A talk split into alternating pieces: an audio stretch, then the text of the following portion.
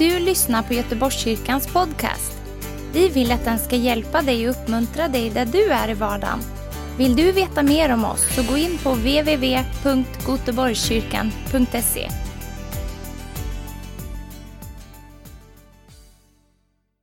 Så roligt att få predika på påskdagen! Wow, det är liksom eh, bästa dagen på under hela året, eller hur? En av de största dagarna. Jesus inte bara dött utan också uppstått ifrån de döda, besegrat döden. Det är stort alltså. Riktigt, riktigt stort. Och idag ska jag såklart tala om, om Jesu uppståndelse. För några år sedan så var jag och eh, tränade på gymmet. Det hände en gång. Det ska aldrig hända mer, jag lovar. När jag kommer in vid entrén, då ligger en man på golvet och så massa människor runt om den här mannen. Och jag förstod nästan direkt, oj, det är ett hjärtstopp. Tack och lov så fanns det en HLR-maskin där och jag klev in i sådär beredskapsläge och tänkte här måste vi agera, men några hade hunnit börja agera innan så det var fantastiskt att se. De fick på den här hjärtstartaren och jag fick höra sen att den här mannen överlevde på grund av hjärtstartaren. Underbart. Tack gode Gud för hjärtstartare. Jesus när han dog på korset, det var inte bara en sån typ av död. Utan Jesus han var verkligen riktigt död. Vi kan läsa Johannes evangelium så ser vi ju hur det var lite bråttom där att få ner dem från korset så att de, de faktiskt eh, slog sönder benen på de andra. Det behövde de inte göra på Jesus för att de såg att Jesus redan var död. Men för säkerhets skull så sticker de ett svärd in i sidan på honom och Jesu blod utgjuts för oss eh, på så vis. Vi vet att Jesus var verkligen död eh, och ingen hjärtstartare hade kunnat liksom, få igång Jesus igen och få igång hans, få igång hans liv. Och Jesu död, det är en så viktig bit, Jesu offerdöd. Men jag tror att vi stannar många gånger där vid att Jesus dog och så tappar tappar vi bort och glömmer faktiskt att det finns en påskdag. För går man ut och pratar med människor, eh, senast nu så var det en arbetskamrat i fredag som sa så här, men vad är viktigast då? Är det liksom Jesu död eller är det uppståndelsen? Och då sa jag, ja men det är ju Jesu uppståndelse, men det ena går inte att utesluta från det andra. Inget liv utan död först. Så det hänger ju förstås ihop. Vi ska läsa ifrån första Korintierbrevet 15, vers 1-26. Och det här tycker jag är ett jättebra bibelställe som handlar just om, om Kristi uppståndelse. Det är Paulus som skriver det här. Vi tar de tio första verserna. Bröder, jag vill påminna er om evangeliet som jag predikade för er, som ni tog emot och som ni står fasta i. Genom evangeliet blir ni frälsta om ni håller fast vid ordet som jag förkunnade. Annars var det ingen mening med att ni kom till tro. Jag förde vidare till er det allra viktigaste, vad jag själv har tagit emot, att Kristus dog för våra synder enligt skrifterna. Att han blev begravd och att han uppstod på tredje dagen enligt skrifterna och att han visade sig för Kefas och sedan för de tolv. Därefter visade han sig för mer än 500 bröder på en och samma gång. De flesta av dem lever än, än även om några har insomnat. Sedan visade han sig för Jakob och därefter för alla apostlarna. Allra sist visar han sig för mig som för ett ofullgånget foster. Jag är ju den minsta av apostlarna, inte värd att kallas apostel eftersom jag förföljt Guds församling. Men genom Guds nåd är jag vad jag är och hans nåd mot mig har inte varit förgäves utan jag har arbetat mer än alla de andra. Fast inte jag själv utan Guds nåd som varit med mig. Jag tror vi kan få den här bilden igen, nummer två.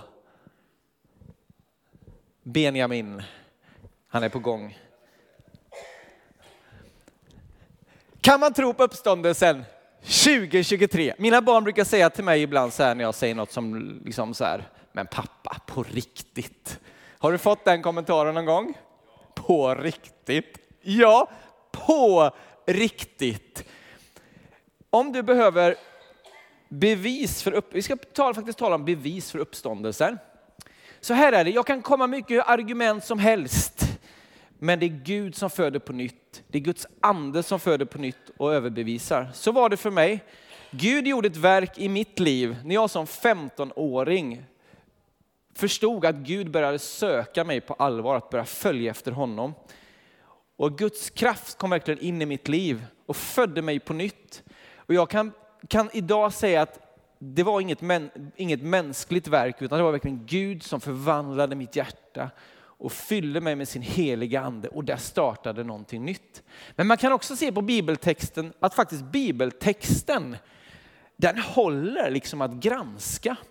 Den är en otroligt bra grund för att faktiskt också se på bevis för uppståndelsen. Och om du är intresserad att grotta ner i det här, då kan jag rekommendera William Lane Craig. Han är doktor i teologi.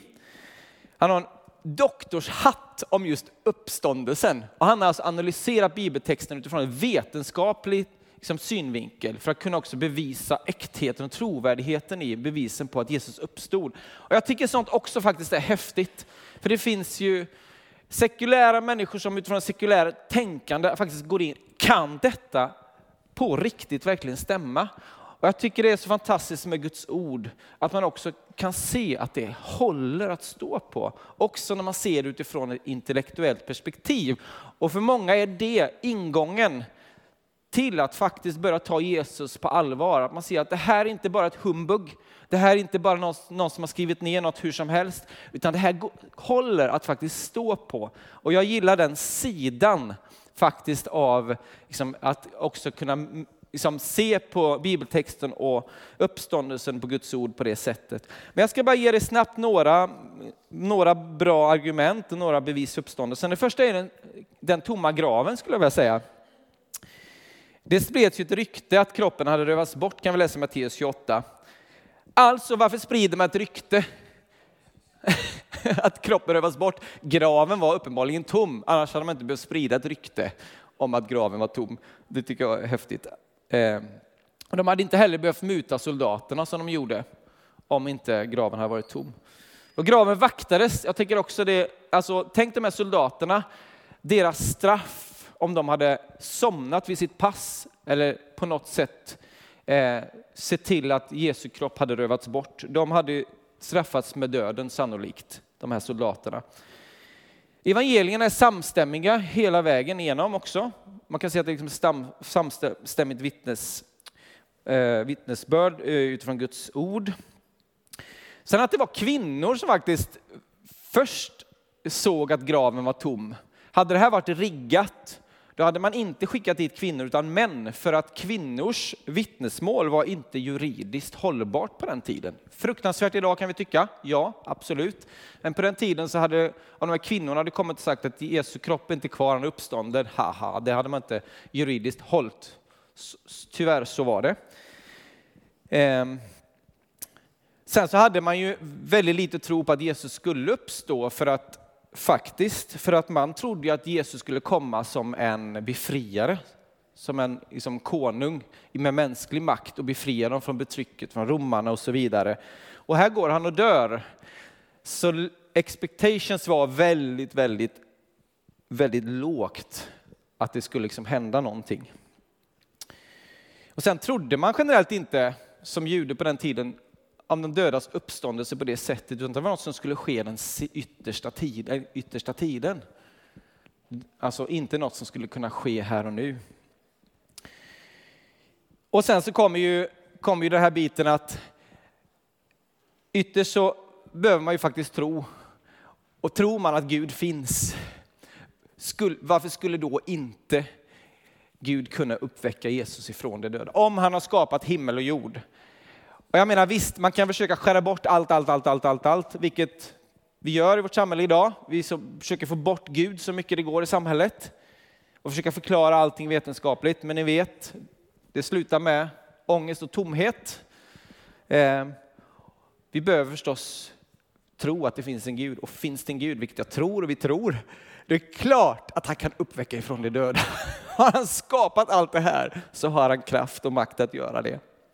Sen kan vi också titta, den tomma graven är ett bevis, men vi kan också faktiskt se på alla dessa vittnen. Vi läste ju här om otroligt många människor som såg Jesus uppstånden. Och just det här vittne är ju en juridisk term. Man har sett någonting, någonting som håller i en domstol.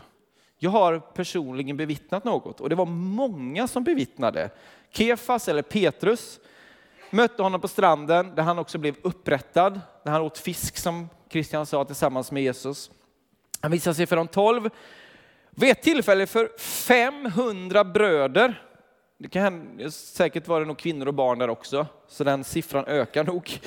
Det kan varit vid Matteus 28 när Jesus eh, också ger missionsbefallningen, tror en del att det kan vara vid det tillfället. Och sen eh, Jesu halvbror Jakob. Och i Johannes 7 och 5 så står det faktiskt att han var väldigt skeptisk där till om det verkligen var sant att Jesus var den han var, fast han var halvbror till honom. Så vi förstår att eh, eh det var väldigt viktigt att Jakob faktiskt fick se honom uppstånden. Och därefter apostlarna, och det är antagligen den större lärjungagruppen, där till exempel Barnabas ingick. Och allra sist, för ett ofullgånget foster som Paulus kallar sig, ganska brutal beskrivning av sig själv. Men han menar liksom att han hade förföljt de kristna och ändå kommer Jesus slår dem till marken och gör dem blinda på Damaskusvägen. Fast Paulus är på väg att döda och fängsla och göra hemska saker mot de kristna, så genom Guds nåd så uppenbarar sig Jesus för honom där. Och han får också ta emot och bli en del av apostlarna. Men sen kan vi också genom, se genom kyrkohistorien. Vi har de här första ögonvittnena. Jag tänker att det är väldigt, väldigt viktig, viktig bit. Jag vill också nämna Paulus, det jag glömde det, just att man har räknat ut att ungefär fem år efter Jesu uppståndelse så träffar han eh, Petrus och Jakob, kan vi läsa, ungefär under en två veckors period. Och därför han, får han, precis som han säger här, återberättat allt det som de här första ögonvittnena hade sett. Och fem år är en ganska kort tid, eller hur? Och Paulus är liksom second, han är så nära de här första ögonvittnena och får allt det här återberättat till sig. Eh, så det är också en väldigt stark trovärdighet också i bibeltexten genom det. Då. Ja, men du och jag och genom kyrkohistorien så finns det ju också ögonvittnen. Jag delade precis här om hur min egna erfarenhet om Guds förvandlade kraft i våra liv. Vi får ju en kille som heter Betsa Seffa hit på vår konferens, en Kristi himmelsfärd. Han satt i fängelse och Jesus uppenbarade sig för honom. Alltså jag har hört så många vittnesbörd eller vittnesmål, eller hur man vill uttrycka sig, av det här personliga mötet med den uppståndne Jesus Kristus. Genom drömmar, genom syner och på olika sätt människor som också bevittnat den uppstånden Jesus. Och det Visst, du kan försöka hålla på och bortförklara, bortför, bortförklara om du sitter här och är en skeptiker och tänker, kan det där verkligen vara sant? Men Jesu uppståndelsekraft har varit verksam genom historien, genom Guds församling. Tänk att Guds församling, du och jag, vi sitter här på grund av, av människors erfarenhet av den uppståndne i generation efter generation efter generation. Och Guds församling har försökt att slås ner på olika sätt. Det är en enormt stark förföljelse mot kristna idag. Men kraften i uppståndelsen, den är starkare och den verkar genom Guds församling i, idag. Jag tycker det är faktiskt en starkt vittnesbörd om att Jesus Kristus, han, han lever, han är uppstånden, han är verklig i våra liv. Sen har vi nummer tre, upp, eh, uppfyllelse av gamla testamentets profetior. Det tycker jag är en viktig bit att Eh, det här som sker med Jesu död och uppståndelse är någonting som har funnits med ända sedan liksom början. Och är även genom syndafallet, hur man kan se hur löften finns om en frälsare och en upprättare. Och jag kan bara nämna tre korta, Jesaja 53 och 9. Han fick sin grav bland de ogudaktiga, men var hos en rik vid sin död, för han hade inte gjort något orätt, inget svek fanns i hans mun. Hosea 6 och 2. Efter två dagar gör han oss levande igen. På tredje dagen låter han oss uppstå så att vi får leva inför hans ansikte. Jona 2. Här har vi den här valfisken. Men Herren sände en stor fisk som slukade Jona. Han var i fiskens buk i tre dagar och tre nätter. Också en förebild på Jesu död och uppståndelse. Alltså, vi kan hitta så mycket genom historien om Gamla Testamentet och hur Jesus Eh, hela liksom, den här passionsberättelsen om hur Jesus dör och uppstår. Vi kan bara hitta allt i, i profeterna, i gamla testamentet och det bara bekräftas. Jesus uppfyller alla dessa löften. Jag tycker det är starkt att se att vi har, det finns rötter, det finns djupgående rötter genom, genom hela historien om Guds löften för en uppstånden frälsare. Men varför är då uppståndelsen så viktig? Vi har talat om eh, bevis för uppståndelsen, nu ska vi bara titta också på varför just uppståndelsen är så viktig. Och vi ska läsa nästan alla de sista verserna här. Vi tar vers 11 till 20 i första Korinthierbrevet 15. Och vare sig det nu var jag eller de andra så är det detta vi förkunnar och detta ni har kommit till tro på, de dödas uppståndelse. Men om det nu predikas att Kristus uppstått från de döda, hur kan då några bland er säga att det inte finns någon uppståndelse från de döda? Om det inte finns någon uppståndelse från de döda har inte heller Kristus uppstått. Men om Kristus inte har uppstått, då är vår predikan meningslös och även er tro meningslös. Då står vi där som falska vittnen om Gud eftersom vi har vittnat om Gud och han har uppväckt Kristus. som han ju inte uppväckt ifall det verkligen är så att döda inte uppstår. Hänger ni med? För om döda inte uppstår har inte heller Kristus uppstått. Men om Kristus inte har uppstått, då är det tro meningslös och ni är fortfarande kvar i era synder. Och i så fall är de som insomnat i Kristus förlorade. Nu kommer nyckelversen, vers 19. Om det bara är för detta livet vi har vårt hopp till Kristus, då är vi de ömklig, ömkligaste av alla människor. Men nu har Kristus verkligen uppstått från de döda som förstlingen av de insomnade. Frågar vi en vanlig sekulär människa så tror jag att de flesta kan acceptera och förstå Jesu liksom, offer och död på korset. Jag tror det är många av oss som skulle vara beredda att offra oss för våra barn. Eller offra oss för någon av kärlek. Det kan vi se genom historien. Hur, hur människor offrat sig för någon annan. Och jag tror att det är lätt att ta in, omfamna och förstå och förstå Jesu offerdöd. Men så kommer vi till uppståndelsen. Det är lite svårare att komma förbi. För det kräver liksom en tro på att Gud gör någonting övernaturligt på en, liksom en annan dimension. Och här blir det kanske lite nervöst i samtalen, eller hur? Kanske blir lite nervöst runt, runt kaffebordet eller var man nu än sitter och, och samtalar. Och det är där jag tror man kan få den här frågan. På riktigt, tror du verkligen på det där? Kan du verkligen tro på detta? För påskdagen kräver tron på Guds gudomlighet. Man brukar säga att Jesus var 100% människa. Det är sån här konfirmations, eller hur Jonas? Du har varit konfirmationslärare under många, många gånger. Jesus var 100% människa och 100% Gud. Han var liksom både och i ett, helt förenat. Och jag, jag tycker man kan se mycket av Jesu mänsklighet på korset. Hur han utlämnar sig själv, svagheten, han ger upp sig själv, han, han liksom all smärta han bär. Och så kan vi se Guds gudomlighet i uppståndelsen. Förenklat skulle jag, man kunna säga så här att korsdöden, korset, den tar itu med vår synd. Och där stannar vi ibland. För vad tar uppståndelsen itu med? Du död, vad är din udd? Uppståndelsen tar itu med döden. Amen. Och det är egentligen det här texten handlar om. De dödas uppståndelse. Om att vi har också ett evigt hopp. Frälsningen är ju inte bara för våra synder här och nu, utan det är också för vårt eviga liv. Och för att vi inte ska stanna i graven, utan precis som Jesus, genom tron på honom, uppstå tillsammans med honom. Det är därför som vi har en dopgrav här. När man döps begraver man tillsammans med Kristus sitt gamla liv och man uppstår genom Guds kraft till ett nytt liv tillsammans med Kristus när man tar emot Jesu död och uppståndelse i sitt liv.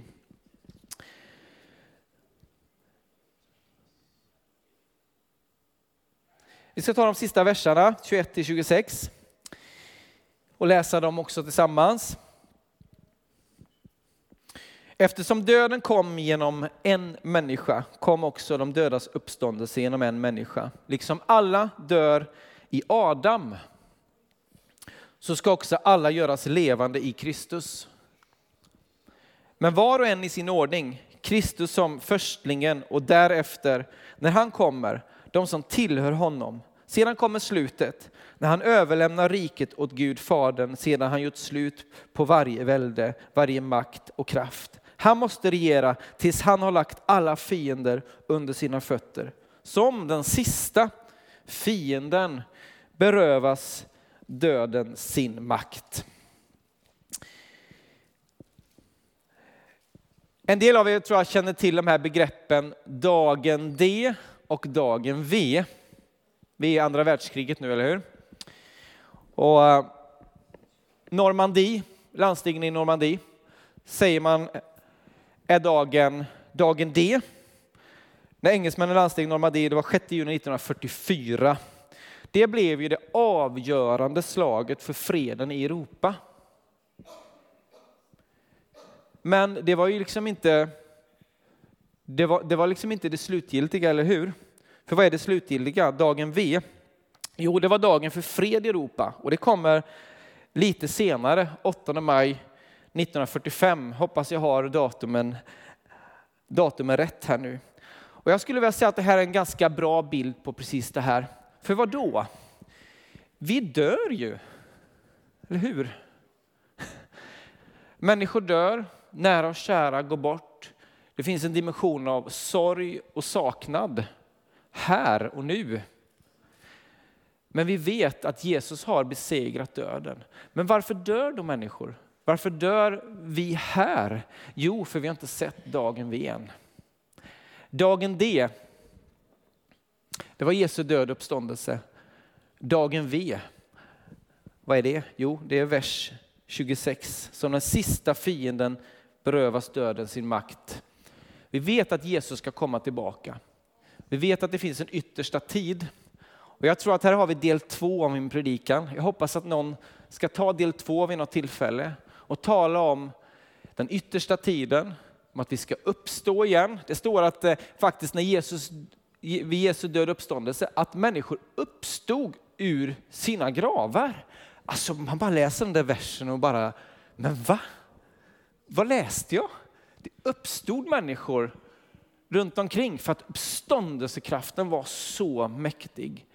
Men vi har ett hopp som det står om att att vi en dag också ska uppstå. Det kommer bli en ny himmel och ny jord. Och det finns en evighet som väntar. Det finns ett dagen V. Det finns en fullkomlighet som vi kommer att få se. Och vilken tröst! Vilken tröst att vi kommer få återse nära och kära. En ganska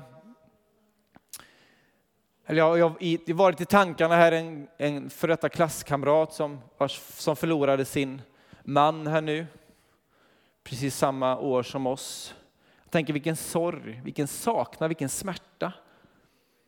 Men vilken tröst att en dag kunna få återses. Sorgen finns ju där, den ska vi inte förneka. Smärtan att gå igenom, det här finns. Men tänk vilket hopp. Och som det står på ett annat ställe, att vi sörjer inte som, som de andra som inte har något hopp, utan vi sörjer med hopp om de dödas uppståndelse. Att vi vet att frälsningen, ja, den är för våra synders förlåtelse här och nu. För att få leva med Gud här och nu. Men dagen V, där fullkomligheten kommer, det längtar jag efter. Jag längtar efter att Jesus ska komma tillbaka, sätta sina fötter i Israel, Jerusalem. Och de här sista sakerna ska ske och gå i fullbordan där vi ska få liksom ta emot riket i fullkomlighet. Men tills dess, tills dess, då ska vi leva i uppståndelsekraften. Vi ska leva i uppståndelsekraften här och nu och vi ska ge hopp till andra.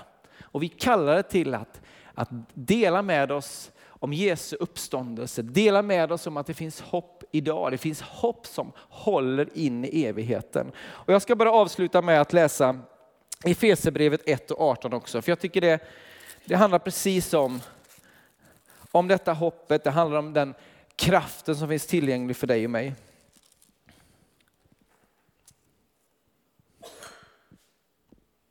Jag ber att era hjärtan ska upplysas så att ni förstår vilket hopp han har kallat er till och hur rikt på härlighet hans arv är bland de heliga. Och hur oerhört stor hans makt är i oss som tror. Därför hans, hans väldiga eh, kraft är verksam. Med denna kraft verkade han i Kristus när han uppväckte honom från de döda och satte honom på sin högra sida i himlen.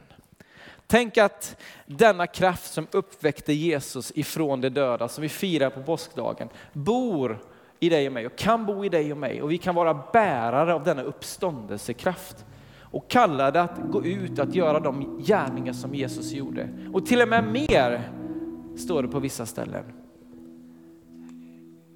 Jag tror att det är fler med mig som längtar efter att få gå ännu mer i den uppståndelsekraften. Att bara förstå, att mina ögon får öppnas, få insikt som det står om hur mäktig denna kraft är. Att vi kan få sprida hopp, att vi kan få sprida liv. Att vi också kan lägga händerna på de sjuka och förmedla helande upprättelse, till och med uppväcka döda som det står. Om Gud uppväckte Jesus ifrån de döda, kan då inte Gud verka genom sin kraft i dig och mig idag och få se mirakel, få se skapelsemirakel och få se där det finns, finns död, hur liv kommer. Och jag tror att det inte bara handlar om, om döda som rent fysiskt uppstår. uppstå. Jag tror också att det kan finnas en andlig död här på insidan. Och du kanske känner idag, du kanske kommit hit idag, du, du har inte tagit emot Jesus som den uppståndne i ditt liv.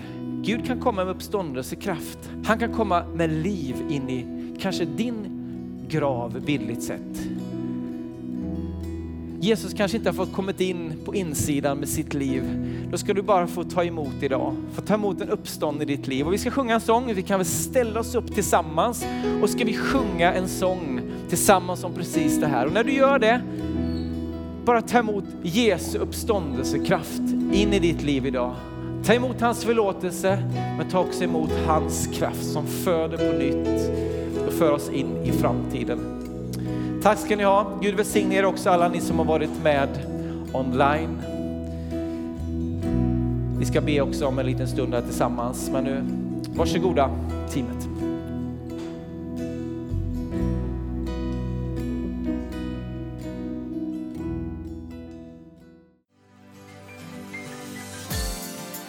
Att du har lyssnat.